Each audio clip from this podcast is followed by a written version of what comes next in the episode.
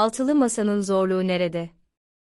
Yazan, Kutlu Kağandal Kılıç Muhalefet uzunca süredir, popülizmin gölgesinde kuralları ve kurumları sonuna kadar keyfilikle tahrip edilmiş bir ülkeyi devralmaya hazırlanıyor.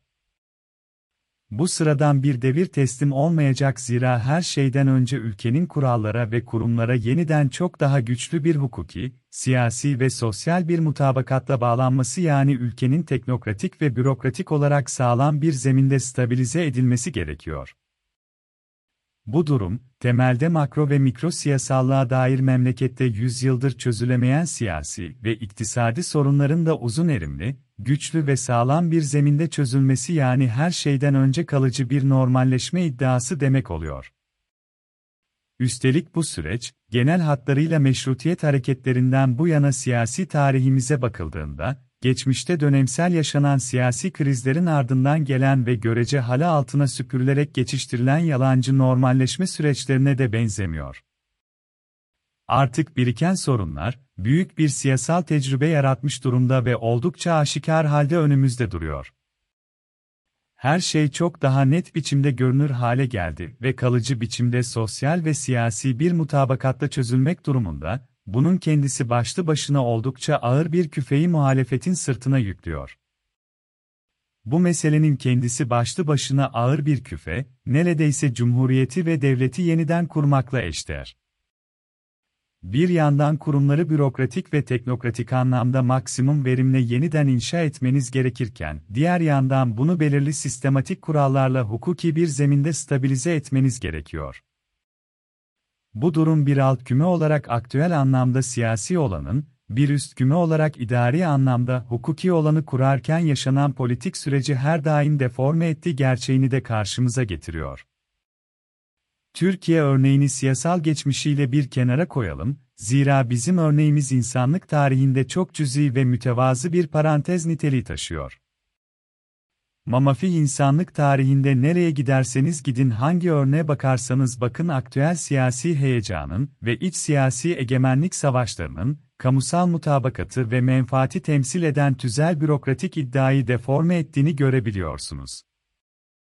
Bu durum toplumlarda tabi olarak siyasi olandan bağımsız bir hukuki süreç yaratılamayacağını bize gösterirken, siyasi güç ve egemenlik mücadelesine aşkın bir toplumsal demokratik terbiyenin tüzel kurallara ve kurumlara dönüşmesi sürecinin ne kadar meşakkatli ve hatta imkan dışı olduğu gerçeğini de karşımıza getiriyor. Mesele hele ki Türkiye gibi siyasi güç mücadelesinin devletin siyasi ve iktisadi kaynak dağıtımıyla doğrudan ilişkili olduğu ülkelerde çok daha karmaşıklaşıyor.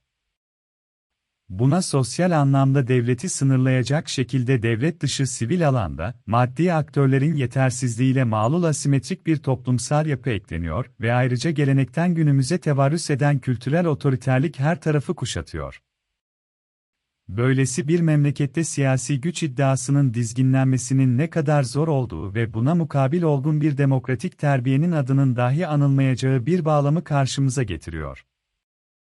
Bu atmosferde, her tarafı kuşatan siyasi güç istencinden kapsayıcı demokratikleşmeye veya siyasal olandan, hukuki olana olabildiğince az hasarla geçmek mecburiyetindeyseniz ve bu geçişi bir normalleşme reçetesine bağlayarak devleti yeniden kurmak zorundaysanız işiniz çok zor varsayılan biçimde dahi gerek maddi iktisadi gerek siyasi kültürel anlamda gelişen noksan demokratik terbiyenin kapsayıcı bir hukuk devleti kurmaya yetmeyeceğini görmek ve bunu itiraf etmek zor değil.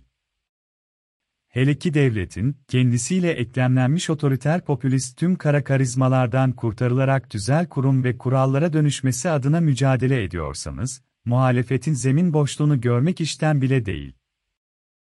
Muhalefetin yaşadığı kriz de doğrudan bununla ilintili görünüyor. Siyasi olana dair altılı masanın iktidar ve marjinallerle mücadelesi bir tarafta, hukuki olana dair ise devleti yeniden milletin yüksek menfaatlerine dayalı olarak kurmanın sorumluluğu diğer tarafta duruyor. Bir yanda insan tabiatının en vahşi arzusu olan hükmetme gayesi ve bunun en dehşetli hali olan siyasi güç istencinin gerek iktidarla gerekse marjinallerle mücadelesi, diğer yandaysa hukuki normalleşmenin sorumluluğuna binaen şart olmuş tüzel bürokratik bir devlet kurmanın sağduyu ve fedakarlığa muhtaç tabiatı duruyor. Buna bir de masa içi aktörlerin siyasi mücadelesiyle hepsi birbirinden oldukça farklı hukuk devleti ve kapsayıcı demokrasi teşekkülleri eklenince ortaya çıkan tablonun, tarihin en zor dönemecini karşımıza getirdiğini söylemek zor olmasa gerek. Ve hepsinden öte uçurumun kenarında kaderini avucuna almış ve öylece bekleyen bir millet. Bu karmaşık süreçte umudun sembolü gibi karşımızda duran hayalleri çalınmış bir gençliğin ve yoksulluktan yoksulluk beğenen mazlum Anadolu'nun, beyaz yaka eğitimli bir kalifiye orta sınıfı kültürel biçimde henüz yeni yeni yaşartmış bir cumhuriyetin kaderi bu süreçte düğümleniyor. Muhalefetin, ülkenin güçle fedakarlık, hırsla sağduyu, siyasi ve iktisadi kaynak dağıtımına hapsolmuş imtiyazlı ve kayırmacı zulüm düzeninin devamıyla, devletin herkes için adil biçimde işleyen kamusal düzenini yeniden kurmak adına kritik bir eşikteyiz. Özetle memleketin siyasi olanla hukuki olan arasında düğümlenmiş ve yıllardır kısır bir döngüye hapsolmuş hazin serencamını muhalefetin en az hasarla atlatmaktan başka yolu yok, tüm maddi kültürel ve demokratik standartlar yerle yeksan olsa bile. Belki altyapı ve üstyapıya dair hemen her şey eksik ama unutmayalım ki bir şey fazla, sürece dair arızalı olan biten her şeyi yeniden yapma irademiz. Bundan daha büyük bir güvencemiz de yok.